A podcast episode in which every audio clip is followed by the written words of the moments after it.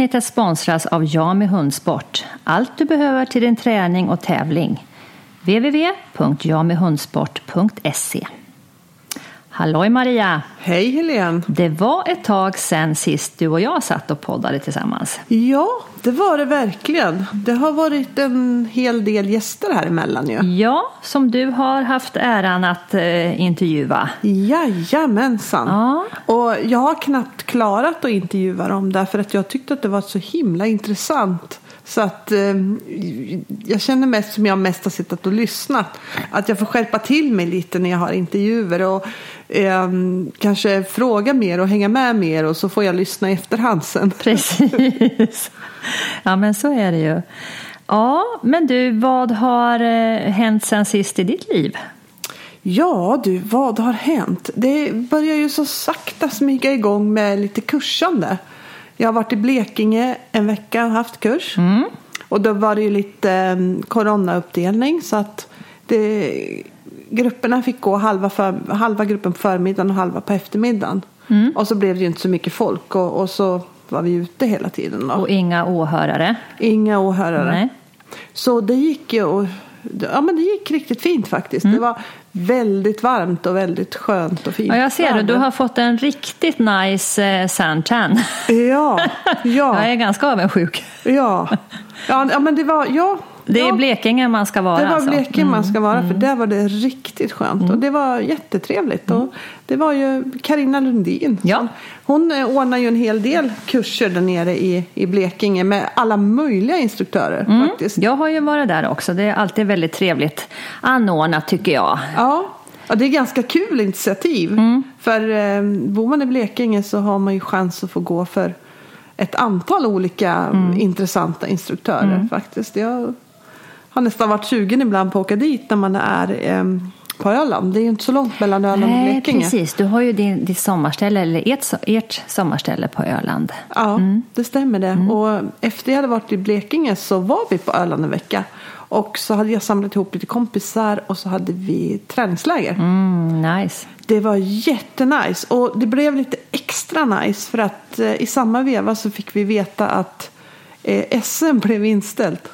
Så, så från jättehöga ambitioner så blev det lite lägre ambitioner. Okej. Men det, det, det som var nice med det var att det blev liksom lite mer häng och lite mer eh, träna lite på det man hade lust med och inte så, ja, men in, inte så målinriktad träning. Och det kan vara rätt, så- rätt så skönt ibland. Det Ibland också. kan det vara skönt. Ja, jag, Ja. Håller med, jag håller med det. Så att det blir mycket socialt istället kanske? Exakt. Ja. Exakt. Ja. Och där hade vi också jättefint väder hela tiden. Jättevarmt och skönt. Och Öland är verkligen, verkligen som bäst just den här årstiden. Mm, alltså det det. blommar så mycket överallt så det är som typ Edens lustgård kan jag säga. Härligt. Ja, jättehärligt. Härligt. Själv då? Ja, jag har ju inte varit iväg på så mycket egen träning tyvärr. Men jag jobbar desto mer och det är kul det också. Jag har eh, dragit igång eh, det första av eh, sommarens tio eller om det till och med har blivit elva sommarläger här på High Five. Och eh, jättekul. Hur, hur långa är de här sommarna? Nej, men de är, de är två dagar. Så Ja. det, det är liksom som en, en, en, ja, en vanlig kurs. Men det är lite olika, för ibland så är det, eh, vid, vid några tillfällen så är det träningsgäng som har bokat, har liksom abonnerat de här lägren. Och då väljer de lite själva eh, vad de vill fokusera på. Alltså, när Vilket gäller... tema, typ, Ja, eller? precis. Eh, och andra gånger så, ha, så eh, är det eh, deltagare från olika ställen och då är det jag som, som lite mer styr och, och bestämmer vad vi ska jobba med och så vidare. Så att det, ja, men det är variation och, och framförallt jätte, jättekul tycker jag. Vilket tema är mest populärt just nu? Ja, men alltså, jag kan inte riktigt svara på det. Alltså, men, mental träning är ju många som vill prata om. Eh, banor, Ja. ja, också väldigt många som vill jobba med och prata Ja, kring. ja, men det är bra för det, Ja. det behöver väldigt många. Ja. Eh, Sen är det ganska, alltså det, det beror lite på. Tränings, de som kommer som, som träningsgäng, de har ju ofta pratat ihop sig kring, kring något tema. Och eh, det är ju det den här podden kommer att handla lite grann om. För att det här första träningsgänget som jag hade eh, ville ha ett, ett väldigt speciellt tema som jag tyckte var kul att spinna vidare på. Så det kommer vi att prata lite, lite mer om här. Ja. Eh, men annars så, så, är det ju mycket en planering, träningsplanering, träningsupplägg. Hur man hittar en bra träningsstrategi som håller. Som inte bara handlar om att man ska börja planera sin träning och hänga i och vara ambitiös i en vecka och sen orkar man inte längre. Många gånger på grund av att man är lite överambitiös i början kanske. Ja. Och skriver och planerar och tänker för mycket och då kanske man fastnar lite grann i, i, i det här att planera istället för att faktiskt överföra den tanken ut till den praktiska träningen på planen. Just det. Så det är ganska varierande faktiskt, det här med vilket tema man, man väljer på sommarlägren. Ja. Och vi, du och jag är ju här i, idag, eller vi, vi har träffats på grund av att vi har eh, vårt andra Maxa mot målet-läger. Just precis. Mm. Som har blivit hyggligt förskjutet på ja. grund av covid. Absolut. Mm. Det har vi flyttat fram och tillbaka och ja, dit och dit. Och tyvärr så har det ju blivit så med många kurser då. Mm. Att man har Ja, speciellt de kurser där det är många deltagare. Vi har ju 12 stycken på Maxa mot målet. Ja. Så i den här gången så har vi delat upp dem i två grupper och verkligen sett till att ja, man har jobbat på, på, på lite på distans från varandra. Ehm, men ehm, det här det är ju ett kul gäng. Jag känner det här, vi, vi samlades ju igår kväll med lite mentalträning och lite början på tävlingsträning. Och sen har vi fortsatt idag med mera tävlingsträning på förmiddagen. Och sen instruktörsledd träning på eftermiddagen och träning i grupper. Och det har ju ja, det har varit full fart kan det man säga. Det har verkligen, verkligen varit full fart. Mm. Och det är faktiskt jätteskoj. Det är ju liksom ganska inspirerande att se andra träna. Mm. Faktiskt. Och få, och få vara en del av det då. Ja, den här, precis. Den här kursen eller det här lägret är ju, är ju ganska ambitiösa ekipage. Många väldigt duktiga som har kommit Absolut. långt. Absolut. Så jag håller med. Det är inspirerande att se och ta del av. Mm. Definitivt. Mm. Idag har vi ju eh, på förmiddagen som sagt haft tävlingsträning. Eh, där vi har eh, haft en liten, vad ska man kalla det för, minitävling med ett antal moment som du har bedömt och som lydnadsdomare. Just det. Och vad, vad tycker du om, man, om du ska få plocka ut en genomgående del som har stor förbättringspotential generellt? Fokus. Fokus? Ja, mm. hålla hunden i fokus mm. genom hela banan. Och mm. speciellt mm. viktigt blir det ju att, att man kan hålla hunden i fokus när det blev som våran tävling. Där gick man in. Det var en väldigt lång ingång och då gick du förbi all publik. Mm. Och så in och så skulle du göra fjärret. Just det. Och har du inte en hund som direkt kan gå i fokus så är det väldigt lätt att man missar ett skifte till exempel. Där. Första skiftet ja. Mm. Absolut. Mm. Och, och, vi pratade ju lite om det här att det är, det är ju för många hundar så är det lättare att vara i fokus hela tiden än att gå in och ut ur fokus. Mm. Och jag tror att eh, en annan sak är det att, att eh, man behöver träna sig mycket på att jobba med allting som i en helhet som det är på tävling. Mm. För det är det som är svårt med tävling, inte att göra momenterna. När man kommer till tävling så är momenterna den enkla delen. Mm. Men det här att hålla hunden och sig själv i, i, ja, men i rätt fokus och, och, och, så att både hunden och vi själva klarar att göra våra uppgifter. Det tror jag är den svåraste delen. Och framförallt så tror jag att det är svårt därför att det är många som kanske inte har någon klar bild hur man vill att hunden ska göra i alla delar. Som man till exempel har i momenten. I momenten tror jag de flesta har liksom en bild av om det ska se ut så här och så här. Men det behöver man ju ha liksom i ingångar på planen. Man behöver ha i transporter, man behöver ha det i uppställning, man behöver ha i momentrutiner, mm. man behöver ha det i sina egna uppgifter. Så det är en lång rad med grejer där. Mm. Och när man börjar med det här så kommer det här vara överväldigande för att det är så jäkla mycket. Men när man har jobbat med det ett tag så tror jag att det blir en väldigt kul träning. Därför det här är ju verkligen teamet mellan hunden och föraren i, i, i träning och tävling. Det här utvecklar ju båda två. För här blir det ju att ni båda måste spela en bra match för att det ska bli ett riktigt bra resultat. Mm. Och här finns det ju så många områden som man kan jobba med. Så den träningen kommer aldrig någonsin att ta slut. Nej, jag är helt enig. Och jag tror det som du säger att många har en väldigt klar bild av hur man vill att momenten ska se ut. Men hur hunden ska föras emellan, det är lite mer diffust. Det blir Absolut. lite som det blir. Ja. Och ibland har man tur och då blir det bra. Ibland har man otur och då blir det inte bra. Istället för att väldigt tydligt kunna kanske förklara för sig själv framför allt. Så här vill jag att min hund ska se ut. Och så här vill jag föra min hund fram till nästa startpunkt. Ja, Och hålla på de kriterierna precis som man gör i momenten. ja. Helt, helt klart. Och, och, ja, det, det, det, det, finns väldigt, väldigt många delar att jobba på i det. Absolut. Ja, men du, över till dagens eh, poddtema. Och det här temat det föddes lite grann för att eh, som sagt det första sommarlägret här på High Five eh, var en träningsgrupp som kom med ett antal eh, härliga, duktiga ekipage. Och eh, de skickade ett mejl till mig med eh, följande, nu ska vi se här, eh, följande innehåll.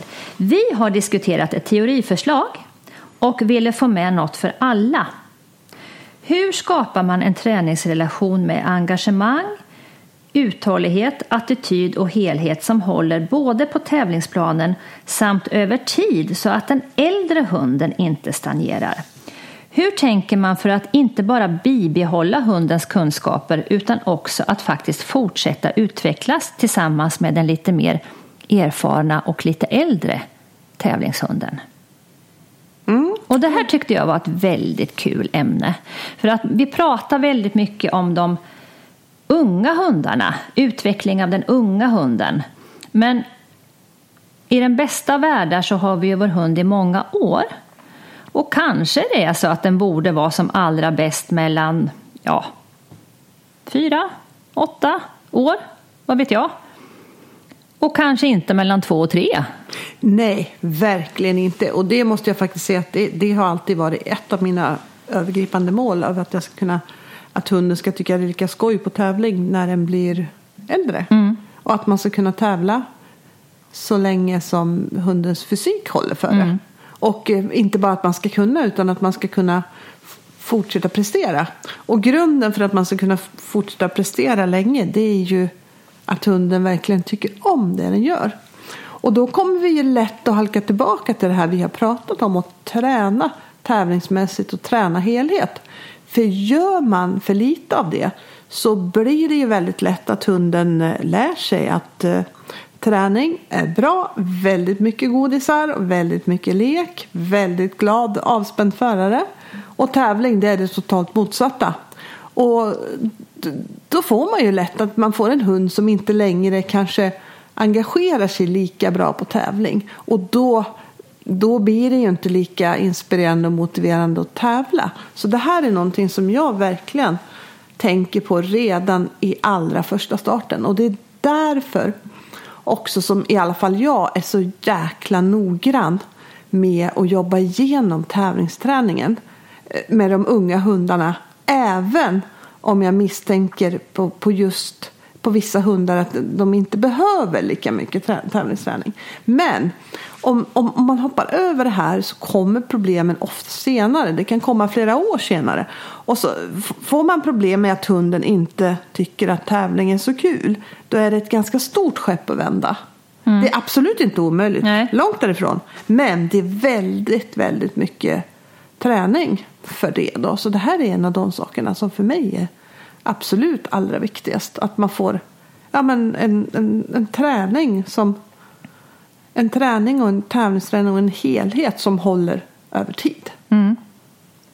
ja, egentligen tänker jag att det här är ju någonting, du har ju, du har ju många hundar som du har tävlat långt upp i åren i olika grenar. Så att egentligen borde jag ju nästan intervjua dig i det här ämnet känns det som. Och hur tänker du rent, rent strategiskt och konkret, förutom då att, att få hunden att tycka att tävling är roligt, det kan man göra på många olika sätt. Men hur tänker du för att få den att hålla? För att jag tror att det är lätt att, att tänka att man när man har kommit upp till en viss nivå så vill man försöka bibehålla eh, den, den eh, vad ska man säga, den eh, oh, nu hittar jag inte ordet. Eh, den nivån? Den eller? nivån, tack ja. för det. Den nivån. Eh, och sen kanske man är lite nöjd med det. Ja.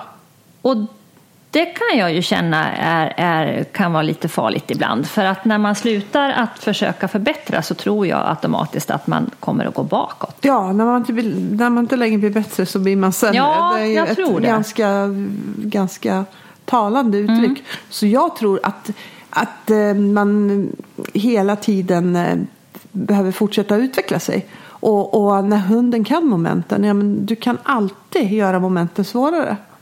Du kan göra dem klurigare, du kan göra dem, lägga på mer störning, du kan göra större helheter, liksom göra mera saker efter varann. Och, ja, men, jag tänker så att man inte gör samma saker utan man, man går hela tiden vidare. Och jag menar då, då, då tar det ju aldrig slut med träningen. Då finns det ju hur mycket som helst och eh, träna, liksom träna på. Mm. Och det var kanske var ett av argumenten när jag hörde när Border Collie Oj var ju väldigt tidig upp i klasserna. Mm. Inte alls för att jag hade tänkt så utan bara för att det, var, det gick ganska fort mm. att lära in och det gick ganska fort. Då. Och det var ju många som sa, men vad ska du göra nu då? Liksom, när hunden vid den här åldern kan så mycket. Och jag tänkte, men herregud. Det, jag kände det, trä, vad man kan träna och vad man kommer att utveckla, det kommer aldrig att ta slut. Nej. Det är absolut inget problem skulle jag säga. Nej, och det ska vi ju säga att det här är ju inget motsatsförhållande att vissa hundar går ju väldigt snabbt att utveckla och det, det, även om man inte har en medveten strategi att nu ska jag upp i klasserna snabbt ibland går det ju fortare absolut, än vad man kanske har, har, trott från början. Och det behöver ju inte vara fel. Men jag tänker samtidigt att det får ju kanske inte heller vara ett mål att så snabbt som möjligt ta sig upp. Nej, det finns ingen anledning. Om du kommer snabbt upp och om, om det blir lite upp som en sol och ner som en pannkaka så hunden kanske håller något eller ett par år så mm. är det inte, absolut inte värt att Nej.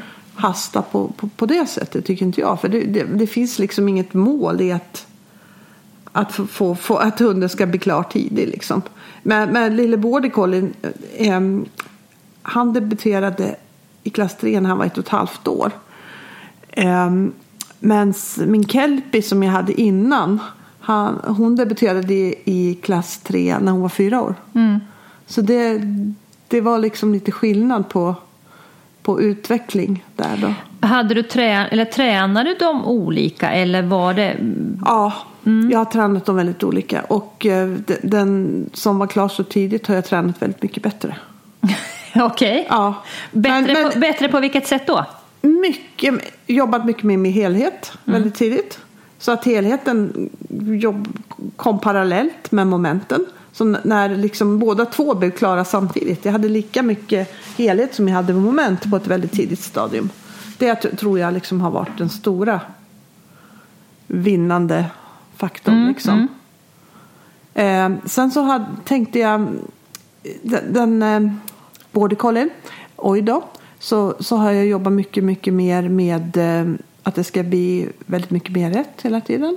Mm. Mycket mer eh, strategisk eh, plan för hur jag ska jobba in olika moment. Mm.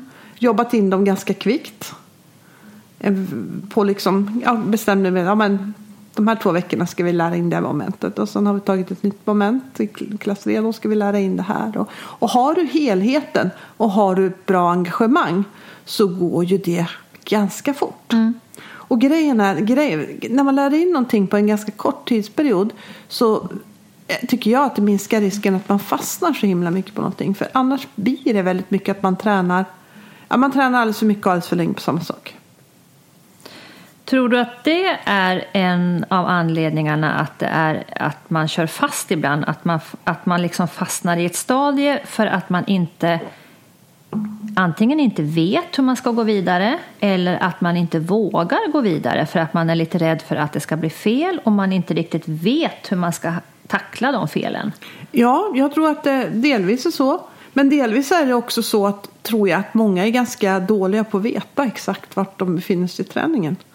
Att man har inte sån järnkoll på, på, på det liksom. Kommer vi in på planering nu då? Eller? Ja, men det kan man väl säga att det är väl lite ja. på pla planeringen ja. faktiskt. Att man har koll på de här delarna för då, då, då, då kommer det att bli lite, mm. lite enklare faktiskt. Så mm. jag tror att det kan bero på ett antal saker. Men jag håller med, det finns många som, är, som, är, som tycker att de har kommit, ja, men de har fått till någonting riktigt bra men då är man lite rädd för att gå vidare. Mm. Men, men det är egentligen lika farligt att stå kvar för länge på samma ställe som det är att, att gå alldeles för fort fram tycker jag. Mm. Så, så liksom om, om du hela tiden kan trycka pyttelite framåt så att hunden följer med och knappt ens märker att ni går framåt. Det är det bästa sättet tror jag. Och, och, och utvecklas ja. framåt. Ja. ja. Sen, sen, är det lite så här, kan jag känna att man, man får ju man får välja sina krig lite grann. Eh, det kan ju vara så att man känner att just den här hunden som man har eh, att man egentligen skulle vilja få till någonting lite, lite bättre. Nu pratar jag den lite mer erfarna tävlingshunden. Man, man, känner att ja, det här skulle jag egentligen vilja utveckla och få till snäppet bättre. Men börjar man peta i en ände så är det ju en viss risk att det fallerar i en annan ände. Absolut. Eh, och det kan ju handla om någonting som hunden rent fysiskt har svårt för eller mentalt svårt för. Eh, och där det finns stor risk att man får in frustration eller osäkerhet. Och där kan det ibland vara lite svårt tycker jag att fatta beslut att ska jag, ska jag mentalt släppa det här? Ska jag låta det vara good enough? Och jobba vidare med andra saker för att kanske höja vår, vår lägsta nivå? Eller ska jag verkligen försöka snäppa upp det här lite till? Som jag egentligen skulle vilja men jag är inte helt säker på att det kommer att, att gynna oss. Förstår du vad jag menar? Mm. Hur tänker du där? Är det olika på olika hundar eller har du någon generell tanke? Eh, nej men jag skulle väl kunna hålla med om att det, att det är ju lite så man får göra liksom. För man, man, man, man får något, på något sätt välja sina strider, mm. helt klart. Mm. Och eh, förut så skulle jag absolut ha sagt eh, jag, kommer att fixa jag kommer att jobba med, med det. Jag kommer att fixa det och jag kommer att göra precis allting nu. Nu, nu ser jag kanske lite mer på också vad det kommer att betala sig. Mm. Liksom. Mm. Om, om jag lägger ner ett hästjobb på att få ett bättre fritt följ och jag kanske får en halv eller en koefficient eller en, en halv eller en poäng mer så är ju det poängmässigt ganska lite. Så då får man ju liksom tänka, är det värt det här eller inte? Ja, jag tänker framförallt med risken att man, man förlorar någonting annat. Alltså att man förlorar en eh, tanken i samarbetet eller att man får en liten bugg rent eh, känslomässigt i något moment för att man är inne och petar för mycket. Eh, jag, jag tänker att det kan det kan ju faktiskt i, i, sin strävan att få det bättre i en ände så kan det bli sämre i en annan. Ja. Det är min upplevelse Absolut. i alla fall. Absolut. Och där får man ju tänka till, lite som du säger, är det värt det? Är det värt att försöka få den här halvpoängen extra med risk för att jag får en, en eh, något annat kall? Ja, kanske speciellt om det är någon moment som man känner att man blir lite stressad över. Mm. Att, man, att man inte riktigt får till det. Mm. Så absolut, det får man ju verkligen, verkligen, verkligen tänka mm, över. Mm. Kan jag tänka. Och vi pratade ju lite om det idag, ett, ett exempel på det. Det var där vi pratade om att um, flera av hundarna då behöver ha ett bättre fokus. Ja. Och stoppar vi hundarna i ett högre fokus, då, då kommer fjärret att bli lite svårare. Mm.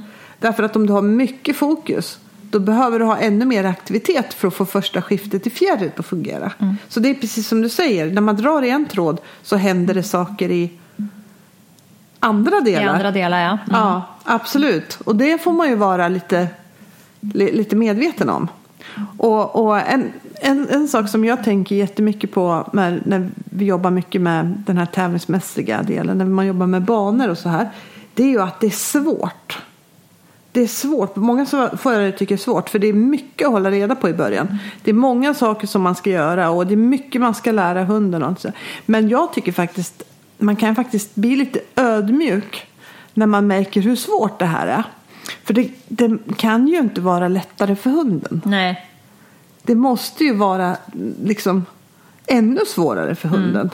För då ska du liksom förklara allt det här utan att kunna använda ord eller språk eller, eller att få hunden att förstå hur det här hänger åtmin- ihop. Precis, åtminstone inte hundens språk, för den Nej. har ju ett annat språk än vad vi har. Ja, Och, och just det här med fokus som vi pratar om, det har vi pratat om i tidigare poddar också, att vi är ju väldigt, väldigt mm, fokuserade på, på hundens fokus. Ja. Att hunden ska ha fokus i alla situationer och, och, och sammanhang. Men eh, kanske inte riktigt har samma tanke när det gäller vårt eget fokus. Eh, blir det lite fel någonstans i, i, i banan så är det väldigt lätt att bli kvar där i tanken och inte kanske på grund av det kunna förbereda hunden lika bra på nästkommande moment för man ligger kvar i tanken på det som har hänt Ja. och tycker att men shit, nu missar vi det här, det var ju surt. Istället för att tänka att nytt moment, ny tävling. nu, ja. Ja, gå vidare. ja precis. Och det här är ju en träning, en, en, Eh, en liten mental träning eh, som man, man får jobba med när man, man jobbar med sig själv. Att faktiskt kunna släppa saker, att kunna vara närvarande i det som händer och kunna dels släppa saker som har hänt och heller inte gå och fundera på saker som eventuellt kommer att hända framöver i nästkommande moment utan vara helt närvarande här och nu för att kunna hjälpa och stötta hunden på bästa möjliga sätt. Absolut. En tredje parameter som jag tänker det är ju den fysiska delen, alltså att se till att hundens kropp håller för både träning och tävling när den blir äldre. Absolut. Och det är klart, det är skillnad på vilken gren man, man tävlar i. Ehm, generellt tror jag mycket på all, allsidig träning. Vi har pratat om det här förut. Att, att, att låta hunden vara lös i skog och mark, gärna kuperat terräng. Ja. Att kunna röra sig fritt. Men även skrittträning i, i, och jogging i, i sele till exempel. Och sen tror ju jag mycket på att låta en, fysterapeut fysioterapeut kolla igenom hunden med jämna mellanrum och behandla vid behov. För att kunna förebygga eller liksom förhindra att det blir skador. Man känner att ah, men nu är den här hunden lite, lite spänd här. Eller nu, nu, nu har den minskat i, i muskelmassa eh, på höger bak. Och då kanske man får, får ha lite koll och kompensera det så att man inte att man förebygger problem helt enkelt. Ja, ja jag jag, håller helt med om det. Jag tycker det är superviktigt. Och jag har alltid försökt tänka att liksom, lika mycket som jag tränar i tid ska hundarna röra sig i skogen. Så att de får liksom, och röra sig i skogen, det är ju just den delen, det är träning för muskler och leder och allt sånt där. Men det är också avkoppling för hundarna. Ja, jag tror Faktiskt. precis, precis. Och jag var lite inne på det också. För jag tror mycket, och speciellt vi, vi som, som tränar mycket med våra hundar. Det blir ju mycket styrd träning. Vi styr våra hundar på olika sätt. Och jag tror, precis som, som hästar har ett stort behov av att få vara fria och gå i hagen, så är jag helt övertygad om att våra hundar måste få ströva fritt i skog och mark. Ja, ja. Och få kunna koppla bort, bara vara hundar. Ja, ja, det tror jag också. Och det är därför som man ska lägga ner så himla mycket jobb på vardagslydnad. Ja. Så att man kan ha hunden lös. Liksom. Det, är- det är liksom... Det är, det är liksom grunden för ett gott hundliv tycker jag. Jag håller med. Absolut. Men jag är lika naturintresserad som jag är hundintresserad. Så man vill inte att hunden ska ställa till någonting på Nej. något sätt där. Liksom. Nej. Så, ja. Inte jaga vilt och inte fara iväg på egna äventyr. Nej, absolut Nej, inte. Nej, Absolut inte. nej, faktiskt. nej, men jag håller med. Och jag, märker, jag, jag, kan märka jättestor skillnad på min unga hund Swish som har varit sjuk under en period här med magproblem eh, och har gått kopplad mycket på promenaderna för att han inte har fått springa så mycket helt enkelt. Och nu när han får vara lös eh, och, och liksom får, får ja, bara vara hund ibland så otroligt mycket mer harmonisk han är inne till exempel. Ja, ja. Jag märker jättestor skillnad på det. Ja, jag känner faktiskt igen mm. det där. Speciellt, jag, jag, tycker att när man är här i Sverige så har vi ju liksom en ganska bra tradition med att, att gå ut med våra hundar och rasta våra hundar, motionera hundarna. Många gör ju det. Det betyder också att när man är hemma och inne så ligger hundarna och sover och liksom ja, man, man märker liksom inte så mycket ens att man har hundar Nej. inne. Men jag märker det när jag är utomlands och många gånger när jag har bott hos folk utomlands när de liksom inte gör det här så mycket. Herregud. Mm. Herregud, det är skillnad. hundarna far och är överallt mm. och liksom är inte stilla och, och liksom ja men, ja men far omkring i största allmänhet liksom. Mm. Och, och skäller på allting. Och, ja, men liksom, de, de har överskottsenergi som inte har någonstans att ta vägen. Nej. Så jag kan förstå det. Så, så ja, vi ska vara jätteglada för att. Och det ser man ju även på en del hundprogram. Om man ska ska, ska nämna något, vi ska inte nämna kanske några speciella program men man ser de här från USA till exempel. Mm. Där kanske man inte ens tar hundarna från huset eller från bakgården. Nej, precis. Det blir ju ett väldigt annorlunda hundliv mm. mot hur, hur våra hundar lever. Helt klart. Mm. Eh, över till, till den äldre erfarna tävlingshunden. Ja. Eh, jag vet ju att din, din uh, Work and Kelpie Ylle tävlade du långt upp i, i åren på väldigt ja. hög nivå.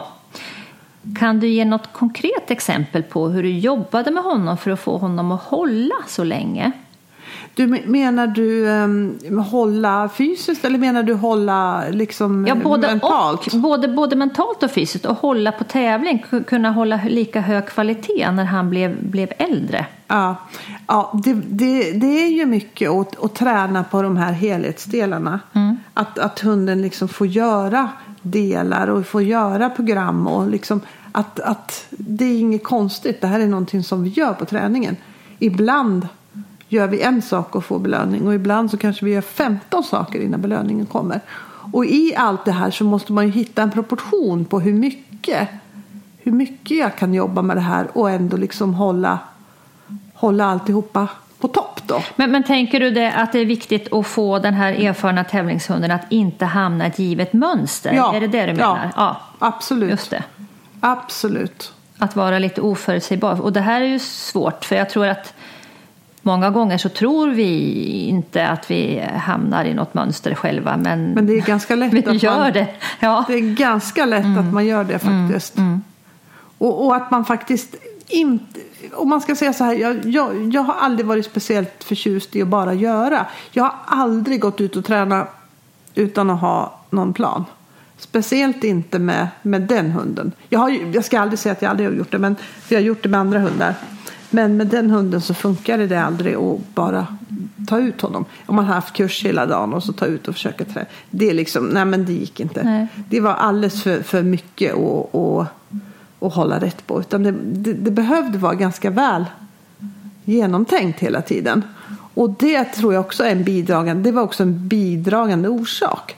Att, att, eh, att det var inte speciellt svårt att få honom att hålla genom åren. Mm. Absolut inte. Mm. För han tyckte liksom, han har alltid tyckt att lydnad är det liksom det är det absolut roligaste som finns. Roligaste man kan göra på ja, fyra ben. Ja, ja, absolut. Det är härligt när man, när man känner att hunden verkligen känner så. Ja, verkligen. Och verkligen. speciellt när den blir lite äldre. Speciellt jag. när ja. den blir lite äldre. Ja. Sen så blir det ju andra saker då som man får tänka lite på. Att, att det, som, det som hände för oss lite grann det var ju att när han var två och tre, det som var skitbra då, som var så superduper bra. När han sen var åtta, nio så var inte det lika bra längre. Därför att nivån hade blivit så mycket. Det var ju ganska många år så ja. nivån hade ju blivit högre helt enkelt. Du menar generellt inom lydnaden? Ja, absolut. På, på när vi tävlade på VM och sådär så hade ju liksom, ja men nivån hade höjts ganska rejält mycket då. Och det, det är ju sådana saker som, där, där, där tycker jag man fick ta lite ställning till liksom. Vad, vad gör jag med det här liksom? Det här behöver kanske bli snabbare och det här behöver bli rappare. Men fråga, vissa saker valde jag att inte göra. Därför jag tycker hunden var liksom, den är för gammal för att göra det här ännu fortare och ännu hårdare. Ja, och det är väl en sund tanke tänker jag. För att är det någonting man, man, man förlorar när man blir lite äldre, höll jag på att säga, så är det väl reaktionsförmågan och snabbheten, dynamiken så. Exakt. Det är ju bara att gå till sig själv. Liksom. Ja. Ja, Mm. ja, men precis. Så där tyckte jag man fick liksom, där fick man ju tänka till lite. Vad, vad, vad kan, vilka, vilka saker kan vi förbättra utan att det på något sätt kostar på hundens fysik. Precis. Vid den, vid den åldern då. Men framförallt göra trän, liksom, tävlingsträningen framförallt väldigt varierad och väldigt, och liksom hunden det viktiga tror jag är att det, inte blir den här gigantiska skillnaden mellan tävling och träning. För det är där man gärna fastnar liksom. Och, och, och att man jobbar med, en, med, med sin hund på ett sätt som liknar ganska mycket tävling. Och, och det gjorde jag med Ylle en hel del. Men nu jobbar jag med det så väldigt, väldigt, väldigt mycket mera. Och väldigt mycket mer strukturerat faktiskt. Så att eh, jag hoppas att hundarna ska bli, fortsätta vara så här. Hålla länge och, och hänga i Ja. länge liksom. Ja, man det- får ju göra vad man kan, höll jag på att säga. Någon, en, en sak som vi pratade om eh, på, på lägret här idag, det är ju det här att, att det är väldigt lätt att bli kvar eh, mentalt i den hund man har haft. Om man har Ja. haft vissa problem med den unga hunden eh, tidigare så är det väldigt lätt att man fortfarande har den bilden av hunden kvar på näthinnan när man tränar. Och det märker man inte minst, tycker jag när man har kursdeltagare som kommer och ska de presentera sig själv och sina hundar. Och sen så beskriver de sin hund på ett sätt och jag får en bild av okej, den här hunden är si eller så. Och sen när de kommer ut och tränar så är det inte alltid den bilden stämmer. Och jag brukar tänka, var det den här hunden hon pratade om på presentationen eller är det en annan hund hon har med sig? Och, och då visar det sig att ja, okej, den här hunden har varit så som, som, som deltagaren beskrev den, men inte idag. Det är en helt annan hund. Men man ligger kvar i den tanken fortfarande att man har den hunden som var två år fast den fortfarande är fyra och har utvecklat helt andra sidor. Ja, det där är ju en väldig ja. fara. Liksom. Ja. För det är ju lätt då att man till exempel om man har en hund som är lite lågtempererad så man får gasa jätte- jättemycket då. Att, att, att, man, att man gör det för mycket och för länge. Ja, precis. Och till slut så får man kanske andra saker som inte blir så bra. Inte så, så så bra, det nej. gäller ju verkligen att titta på hunden hela tiden. Mm. Vad, vad, vad, vad man behöver i dagsläget. Mm. Liksom. Är det mer gas eller är det mer broms? Eller? Ja, och det kan ju vara svårt ibland för man måste ju vara väldigt skärpt och närvarande och se det här. Verkligen. Det, det, det, kan, det kan vara svårt ibland faktiskt. Men eh, se de här små tendenserna i träningen och se, eh, ja, se utvecklingen av hunden helt enkelt. Mm, det är helt sant. Helt klart. Mm. Om vi ska sammanfatta den här podden med några eh, kloka meningar. Har du något klokt att säga Maria? Hur? Det viktigaste för... Håll hunden på topp fysiskt. Håll hunden på topp fysiskt. Ja. Variera träningen Ja. väldigt mycket. Träna mycket på helhet och det tävlingsmässiga. Och träna, eh, du ska träna så mycket på det.